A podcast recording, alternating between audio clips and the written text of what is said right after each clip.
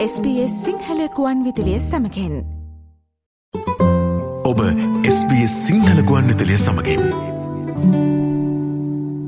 මේ ගෙවීගෙන යන්න දෙදහස් විසි දෙකේ ඔක්තෝබර් මාසේ ඉතිං පසුගේ මුල්ල වර්ෂය සඳහා ඔස්ට්‍රලයාාවේ ටැක්ස්ටන්න එක නත්තං බදු ප්‍රතිලාබේ යොමු කිරීමට තිබෙන අවසාන දිනය තිබෙන්නෙත් මේ ඔක්තෝබර් මාසේ ඉතිං අපි හිතුවා ඒ සම්බන්ධයෙන් අද කාලින වශයෙන් වැදගත් සකච්ඡාවක් ඔබ ඇතගෙනනට මේ සාකච්ඡාවට අපි ආරාධනා කර මෙල්බන්නුවර ගණකාධිකාරිවරයක් සහ ලියාපදිංචි බදු නියෝජිතවරයක් ලෙස කටයුතු කරන ඉරානි ගම්මන් පිළ මහත්මයට.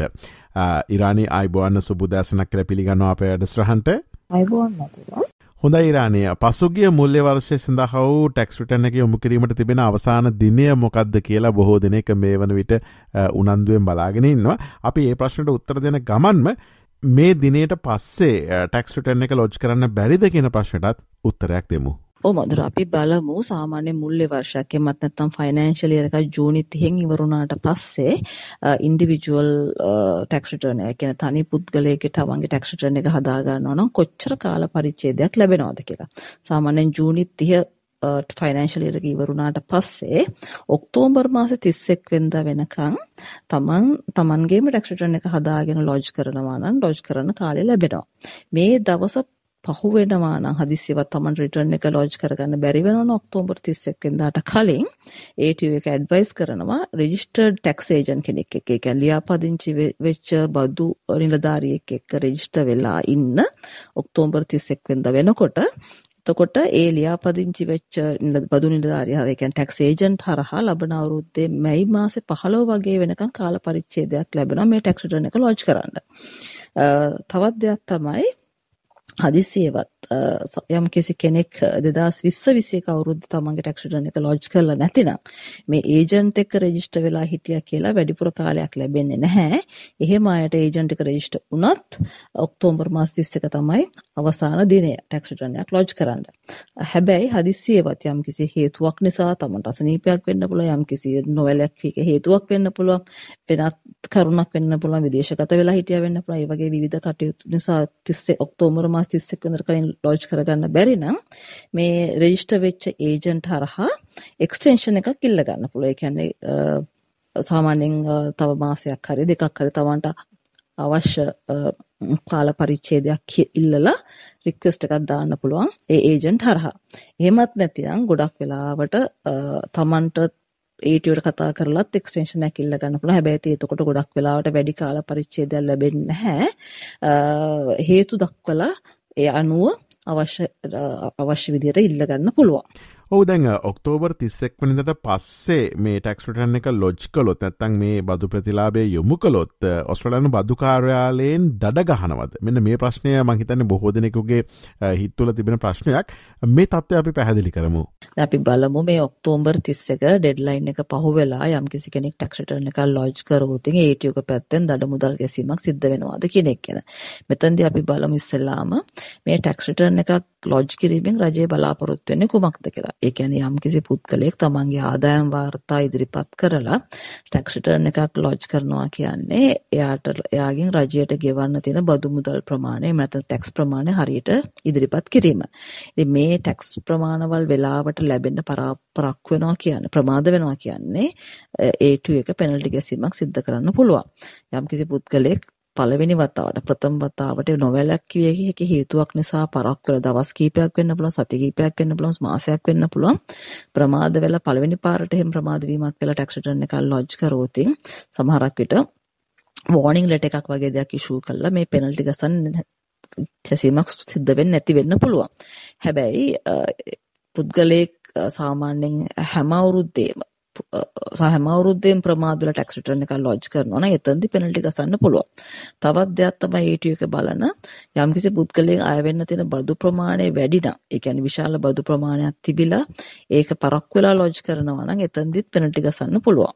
ඉතින් මේ වගේ තත්ත්ව මත ඩෙඩ්ලයින් එක පහුවෙලා ටැක්ස් රිටර්න් එකක් ලොජ් කරොත් එහෙම දඩ මුදල් එන්න පුළුවන්. ඔවිරනි දැන් දැන් යම් කිසි පුද්ගලයකුගේ ටැක්ස්ටන් එක ලොජ් කිරීමට වැඩි කාලයක් අවශ්‍ය නං ඒ සඳහා ඒ කාලය දිගු කිරීම ලබාගත හැක්කේ මොනාකාරයටද කියලත් අපි පැහැදිලි කිරීමක් කළොත් ඕ යම් කිසි කෙනෙක්ට ටෙක්ස්ටර්න එක ලෝජ් කරන්න වැඩිපුර කාලය පරිච්චේදයක් අවශ්‍යන ඒ සඳහා ඒටියකෙන් කාල පරිච්චේද ලබාගන්න පුළුවන් මේකට ක්‍රම කීපයක් තියෙනවා එකක් තමයි තමන්ටම පුළුවන් ඒටියකට කෝල් කරලා එමත් නැත්නම් ලිඛිතව දැනුම් දෙලා එම තමන්ට අවශ්‍ය කාල පරිච්ඡේදය ලබා ගන්න. ඉතින් මෙතනදී හේතු දක්වන්න සිද්ධ වෙනවා. ඇයි වැඩිපුර කාල පරිච්ඡේදයක් අවශ්‍ය වෙන්නේ?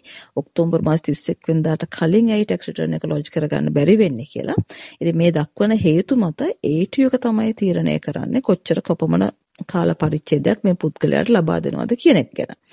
තවත් විදිහකට ලබා ගන්න පුළුවන් මෙහෙම එක්ස්ටෙන්ෂන් එහෙම නැත්නම් දිගු කාලයක් ටැක්ස් රිටර්න් එකක් ලොජ් කරන්න මම අර ඉස්සෙල්ලාම කිව්වා වගේ ටැක්ස් ඒජන්ට් කෙනෙක් එක්ක රෙජිස්ටර් වුණොත් ඔක්තෝබර් මාස 31 වෙනිදාට කලින්. එතකොට ඒ සාමාන්‍ය පුද්ගලයෙක්ට පහුගිය අවුරුදු වල ටැක්ස් රිටර්න්ස් වෙලාවට ලොජ් කරලා තියෙනවා නම් ලබන අවුරුද්දේ බැයි මාසේ 15 වගේ වෙනකන් සාමාන්‍යයෙන් කාලය ලැබෙනවා. එහෙමත් නැත්නම් වැඩිපුර අවශ්‍ය නම් අර මං කිව්වා වගේ ඉස්සලාම ඒජන්ට් එක්ක රෙජිස්ටර් වෙලා ඒජන්ට් හරහත් එක්ස්ටෙන්ෂන් එක. ඒ කියන්නේ වැඩිපුර කාලයක් ඉල්ලන්න පුළුවන් හේතු දක්වලා. ඉතින් ගොඩක් වෙලාවට ටැක්ස් ඒජන්ට් පුළුවන් ගොඩක් එම පුද්ගලයාට අවශ්‍ය නම් වැඩිපුර කාල පරිච්ඡේදයක් එයාට එක්ස්ටෙන්ෂන් ඉල්ලන්න පුළුවන් යම්කිසි කෙනෙක් වෙනුවෙන්. ඉතින් හොඳම දේ තමයි ටැක්ස් ඒජන්ට් කෙනෙක් එක්ක තමන්ට තමන්ට ලොජ් කරගන්න කාල පරිච්ඡේදය මදි නම් ටැක්ස් ඒජන්ට් කෙනෙක් එක්ක අඩුම ගානේ ඔක්තෝබර් මාස 31 වෙනිදා කලින් රෙජිස්ටර් වෙන එක. හොඳයි අපි කතා බහ කරමින් පසුවන්නේ මෙල්බන් නුවර ගණකාධිකාරිවරයක් සහ ලියාපදිංචි බදු නියෝජිතවරයක් ලෙස කටයුතු කරන ඉරානි ගම්මන් පිල්ල මහත්මයත් සමග මේ පසුගේ මුල්ලේ වර්ෂය සඳහා වූ ඔස්ට්‍රලයාාවේ ටක්ස්ටන එක යොමු කිරීමට තිබෙන අවසාන දිනය ඔක්තෝබර් තිස්සෙක් වනදාට එළමෙනවා ඉතින් ඒ සම්බන්ධයෙන් තමයි අපි මේ සාකච්ඡාව ගෙන එන්නේ. ඉරානි දැන් යම්කිසි පුද්ගලයකු ටැක්ස්ටන් එක ඉදිරිපත් නොකොළොත් ඒ පුද්ගලයට කුමක් සිදුවේවිද. ඔව් දැන් මම අපි ඉස්සෙල්ලා කතා කරා වගේ යම් හැම පුද්ගලයෙකුටම ටැක්ස් ෆයිල් නම්බර් එකක් තියෙනවා නම් හැම අවුරුද්දේම ටැක්ස් රිටර්න් එකක් ලොජ් කළ යුතුයි. Tamanට ආදායම් තිබුණා හෝ නොතිබුණා එම ආදායම් වාර්තා ඉදිරිපත් කරලා Tamanගෙන් අයව යුතු බදු මුදල් ඉදිරිපත් කරලා ටැක්ස් රිටර්න් එකක් ලොජ් කිරීම හැම කෙනෙක් අතින්ම සිද්ධ යුතු දෙයක් වෙනවා. ඉතින් මේ తත්වය මගහැරියොත් වෙන වෙන්නේ කුමක්ද කියලා අපි බලමු.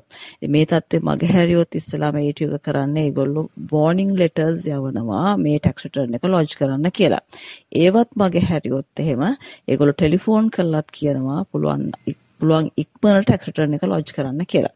මේවා හැමදේම මගහැරියොත් එහෙම පෙනල්ටි ෂූ කරනවා. පෙනල්ටි ගෙවන්නෙත් නැතුව ටැක්ස් රිටර්න් ලොජ් කරන්නෙත් නැතුව තවත් දිගට මග හැර හැර හිටියොත් එහෙම A2 එක ඉෂුව කරන ඩිෆෝල්ට් නොටිස් කියලා එකක්. මේ ඩිෆෝල්ට් නොටිස් එක කියන්නේ ඒගොල්ලොත් ඒගොල්ලොම කැල්කියුලේට් කරලා ටැක්ස් කොච්චර ගෙවන්න ඕනද ආදායම ඒගොල්ලොන්ගේ එස්ටිමේට් සමග කැල්කියුලේට් කරලා ඒගොල්ලෝ ඩිෆෝල්ට් නොටිස් එකක් ඉෂුව කරනවා. ඒකට අමතරව රජයට අය විතු බදු වලින් 75ක පෙනල්ටි එකකුත් ඉෂුව කරනවා.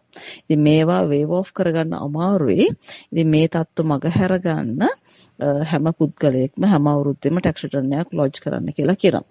මේ හැමදේම කරලත් ATU එකට ගෙවන්න ඕන බදු මුදල් ගෙවන්න නැතුව හිටියොත් ATU එකට හැකියාව තියෙනවා නීතිමය වශයෙන් කටයුතු කරන්න.